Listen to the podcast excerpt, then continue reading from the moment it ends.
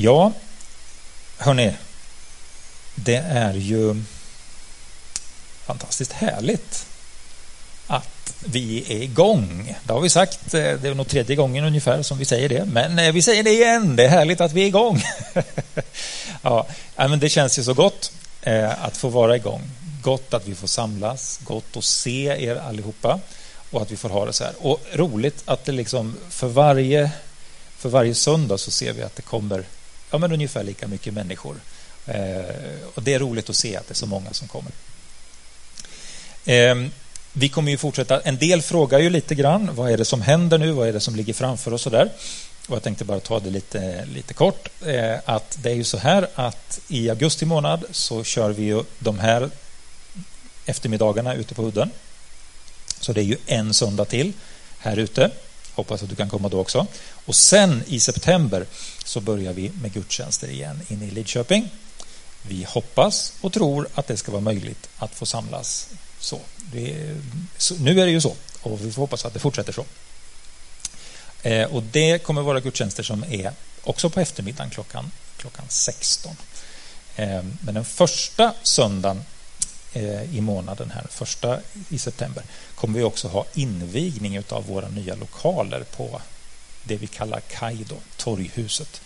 Många av er har redan sett det där, hur fint det har blivit. Men vi har ju liksom inte fått fått göra det som församling och säga att yes, nu har vi nya fina lokaler. Men nu har vi chansen, nu har vi möjligheten till det. Så det kommer bli lite hopp hoppborg, det kommer bli lite hamburgergrillning, det kommer bli lite livemusik, det kommer bli eh, fika, det kommer bli rundtur, lite visning av våra lokaler ehm, och lite insamling kommer vi också ha naturligtvis för eh, de här lokalerna. Ehm, men framför allt ska vi naturligtvis också ha gudstjänst. Så den söndagen hoppas jag att du kan vara med. 14.00 kommer vi börja och sen håller vi på med det här med själva invigningsdelen eh, innan gudstjänsten fram till klockan 16 då, då gudstjänsten drar igång. Mm. Så vet du det, lite i alla fall om vad som händer framöver. Eh, en fråga som som jag tänkte att jag skulle försöka utgå ifrån idag. Och det är detta. Har Gud allt i sina händer? Har Gud allt i sina händer? Det är ju någonting som vi säger ja, eller hur? Eh, det tror vi. Och samtidigt är det ju så här att när vi ser ut över världen och när vi kanske också tittar in i vårt eget liv och våra omständigheter så är det så att vi ibland funderar. Hur är det? Var är Gud egentligen i Afghanistan? Varför får det ske som sker i Afghanistan? Hur var det med det här med corona? Vi har gått igenom den här perioden. Var Gud här? Hur kan vi se Gud i detta? Var, var håller han hus någonstans? Eh, var är han? Var är Gud? Har han allt i sina händer?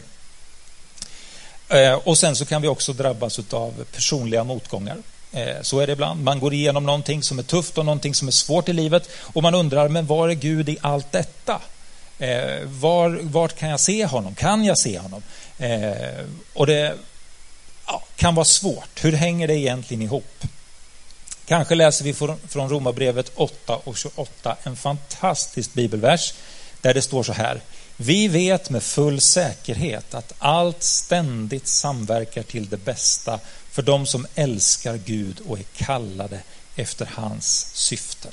Vi vet med full säkerhet att allt ständigt samverkar till det bästa för de som älskar Gud och är kallade efter hans syften. Ett fantastiskt ord, eller hur? Och samtidigt, hur är det verkligen på det här sättet? Allting som sker med dig, Ständigt, varenda liten grej som du är med om. Är det verkligen så att just den saken som du är med om, att det samverkar till det bästa? Är det så? Eh, inte bara liksom att det blir eh, lite så här halvbra, utan, utan det blir det bästa utav allt. Liksom. Eh, vad betyder det egentligen? Betyder det att jag som kristen, om jag tror på Gud, om jag följer honom, ja, men då kommer jag aldrig behöva se någonting som är jobbigt i mitt liv. Då är det inte några svårigheter jag kommer möta, utan Gud är med mig och det kommer vara framgång. Hur är det egentligen? Ibland så pratar man om Guds försyn. Det är ju någonting som vi normalt sett inte pratar så mycket om. Hur många, hur många av er som sitter här har hört begreppet Guds försyn? Ja, det är ju några stycken. Ja. Men det är inte så ofta som vi pratar om det, eller hur? Eh, vad handlar det egentligen om? Vad är det egentligen? Eh, men det har med det här att göra. Alltså det, det, ju, det handlar ju egentligen om att man menar så här att, att, eller tänker så här att Gud, ingenting som händer, eh, det finns, nu ska vi läsa om det här, att ingenting händer som Gud inte har tillåtit, men också att Gud använder allt som sker med oss till det bästa för oss. Alltså att allt ligger i Guds händer. Så Gud har tillåtit allt. Eh, och han använder det här som sker med oss till det bästa för oss. Mm. Så vad betyder det då? När vi ser ut över världen, all den här ondskan. Tillåter Gud det? Är det Guds vilja att det är så här? Och kan det verkligen vara så att det leder till det bästa för människor? Ja, Augustinus, han skrev så här. Gud är så god att i hans hand till och med det onda främjar det goda. Han skulle aldrig ha tillåtit det onda att inträffa om han inte, tack vare sin fulländade godhet, kunnat använda det. Så Augustinus han menar så här att det spelar ingen roll vad som händer, det kan vara hur ont som helst. Gud kommer ta det onda och så kommer han vända det till sin fördel. Ehm, och så fortsätter han och resonerar Augustinus och så säger han så här, genom onda människor görs visserligen mycket mot Guds vilja, men hans vishet och makt är så stor att allt som tycks strida mot hans vilja i själva verket strävar mot det goda resultat eller ändamål som han satt upp på förhand. Alltså, det spelar ingen roll. Det, det, finns onda människor som gör onda saker. Det händer onda saker runt omkring oss. Men Gud kommer att använda det där och kommer göra det till någonting som i slutändan kommer vara gott. Det onda kommer att lida nederlag i alla kategorier kan man säga. Liksom. Men det är ju så här, det finns mycket runt omkring oss som, som eh, är emot Guds vilja, eller hur? Det räcker med att vi tittar runt över världen. Krig och elände. Eh, det är mycket som är emot Guds vilja, det som han egentligen vill. Vi tror att Gud är god. Eh, men, och det där är ganska lätt att se. Eh, och om man bara ser det som sker i stunden det som sker just precis just nu och tappar bort det stora perspektivet, då kan det vara svårt att se att Gud håller allting i sina händer. Jag skulle vilja peka på två olika saker som, som vi behöver ha med oss när vi möter motgången, när vi ser eh, att det är svårt. Det, den första saken är att tiden vi lever här på jorden är begränsad. Om du, om du begränsar ditt, ditt, ditt sätt att tänka utifrån de åren som du har här på jorden, om, om du begränsar det till det, då kommer det inte vara säkert att, att du kan säga jag fick ett rättvist liv. Allt som skedde med mig var gott. Det är inte säkert att du kommer kunna säga det efter de här åren på jorden. Därför att alla människor får inte rättvisa här i den här världen. Så är det. Men grejen är den att vårt perspektiv går längre.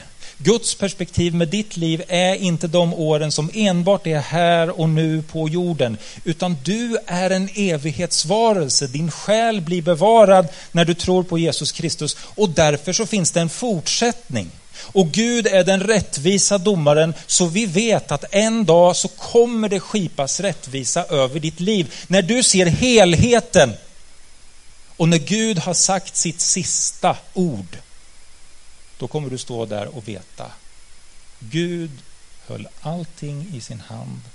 Gud var rättvis mot mig. Han tog hand om mig.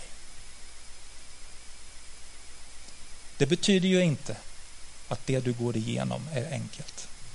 Det betyder ju inte att det, att det inte kan vara så att det kan vara svårt att se Gud. För det är det. Det kan vara svårt att se Gud. Men det betyder att det finns en fortsättning och du kommer inte bli lämnad ensam. Den som tror på Jesus vet att jag kommer falla mot en Gud som är barmhärtig och nådefull och som tar hand om mig. Och kunna säga till sist att allt ständigt samverkar till det bästa. Så första punkten, tiden vi lever här på jorden, den är begränsad. Men vi har ett evighetsperspektiv. Och det andra, Gud är delaktig i lidandet. Vilken Gud vi har.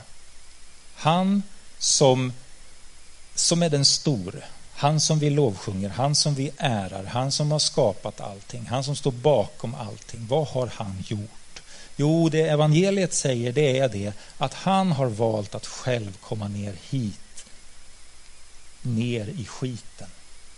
Ner för att komma oss till mötes. Gå igenom precis det som du och jag går igenom. Han har tagit och burit ditt och mitt lidande. Han har varit med om det. Du kan vara säker på att du har en Gud som förstår ditt lidande eftersom det faktiskt är så att han själv har hängt på korset och tagit ditt lidande på sig. Du kan vara säker på att han förstår hur det är att gå igenom det. För han har själv lidit helvetets kval. Han sparade liksom ingenting, utan han tog allting på sig. Har Gud allting i sina händer? Ja, det har han. Han har till och med lidandet i sina händer. Han har till och med burit det i sig själv för att du en dag ska kunna få rättvisa, upprättelse, befrielse. Och det kommer att ske. En del av oss får uppleva det under resans gång här på jorden. Men många av oss får också vänta för att se fullheten den dagen vi kommer hem till Gud. Du vet, Paulus han skriver om det här i Romarbrevet 8, jag ska läsa det.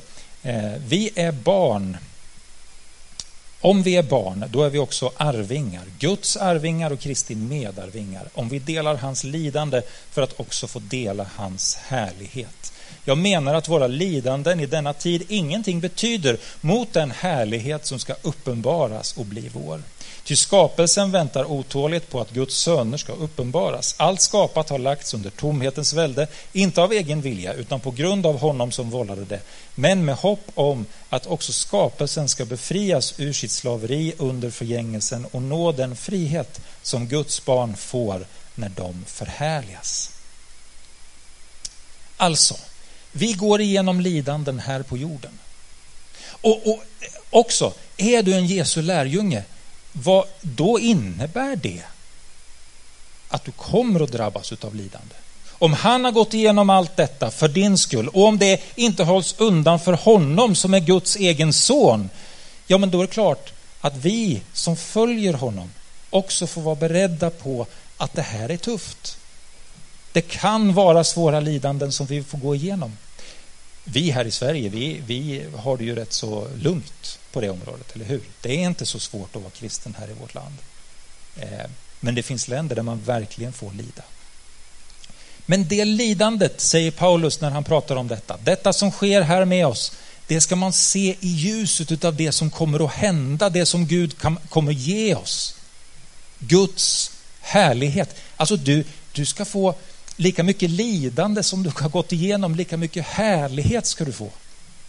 Och vi vet inte ens vad det där är för någonting. Vi kan inte räkna ut det. Eh, Paulus han säger på ett annat ställe att vi vet liksom inte riktigt vad Gud kommer göra. Vi vet inte vad vi kommer att bli.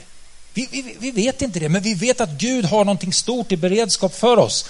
Och, och det, är, det är som natt och dag mellan detta livet som vi lever här och det som kommer att komma. Så därför så kan vi säga trots att vi går igenom svårigheter. Och det kommer vi att göra. Det är ju inte så att den, den som är mest välsignad utav oss är, är den som liksom har fått det, det enklaste livet. Det är inte det det handlar om.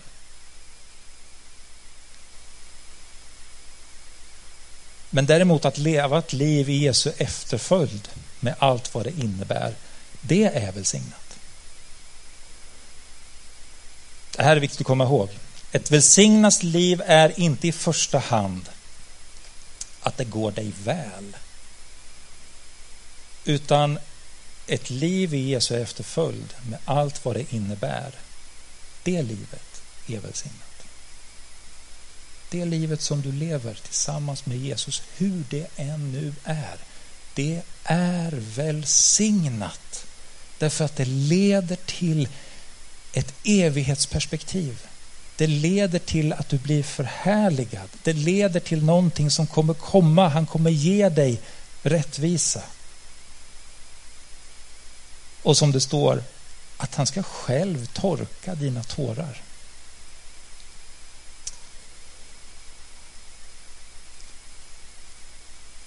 Gud han vet allt det som du går igenom. Och på något sätt, vi vet inte hur, men på något sätt så kommer han att använda det där. Även det onda kommer han att använda på något sätt och använda det för ditt bästa. Som Augustinus sa, jag läser det en gång till. Gud är så god att i hans hand till och med det onda främjar det goda. Han skulle aldrig ha tillåtit det onda att inträffa om han inte tack vare sin fulländade godhet kunnat använda det. Och Det betyder att en dag så kommer du stå segrande tillsammans med Jesus vid hans sida. En dag så väntar det. En dag så kommer du bli... Eh, alla dina bördor kommer lyftas av och någonting nytt kommer komma. Därför att Gud är med. Gud håller allting i sina händer. Trots att världen ser ut som den gör, trots att du får gå igenom det du går igenom, så finns han där. Jag ska avsluta med en vers från Saltarsalmen eh, 46 och 2. Eh, det här är från 1917 års översättning. 46 och 2. Gud är vår tillflykt och vår starkhet, en hjälp i nöden väl beprövad. En hjälp i nöden väl beprövad. När du går igenom nöden, när du går igenom lidandet, då kan du komma ihåg att det finns tusentals, nej, miljontals människor som har prövat Gud och sett att han håller. Han är en hjälp i nöden, han är väl beprövad, han håller dig i sin hand. Herre, vi ber om att våra liv ska få likna dig, Herre Jesus. Herre, det är så mycket som, som vi ser runt omkring oss som vi inte förstår. Vi förstår inte det här med, med corona. Vi förstår inte hur det kan få vara som det är i Afghanistan eller på andra platser i, i vår värld. Eh, vi förstår inte varför, varför ondskan ibland verkar, verkar triumfera, Herre Jesus. Vi, vi förstår inte det. Och, och, och, Herre, du ser den som går igenom personligt lidande, den som, som får vara med om, om tuffa perioder, Herre Jesus, den som, som liksom eh, tycker att nu räcker det. Eh, nu orkar jag inte mer. Herre, jag vill be dig om att de ska få uppleva, Herre, att du är en hjälp i nöden som är väl beprövad, att du ska komma in och ge styrka och kraft, Herre. Och Herre, jag vill också be dig om, Herre, att vi ska få ha våra tankar rätt mot dig, Herre Jesus. Så att vi förstår att oavsett vad vi går igenom så finns du där, du är starkare än allt annat och det kommer att leda till, det kommer att leda till rättvisa en dag. Det kommer att bli en rättvis dom. Det kommer att bli ett välkomnande hem, Herre Jesus. Det kommer vara du som segrar, Herre. Herre, låt oss få leva våra liv i det perspektivet. Eh, hjälp oss med det, Herre. Och hjälp oss också, Herre, att följa dig. Följa dig i allt, även de dagarna när det är svårt, när det är lidande, när det är problem, Herre. Låt oss gå med dig på vår vandring, Herre Jesus. Varje steg vi tar, Herre Jesus så är du med oss, Herre. Och jag tackar dig för det, Herre. I Jesu namn. I Jesu namn.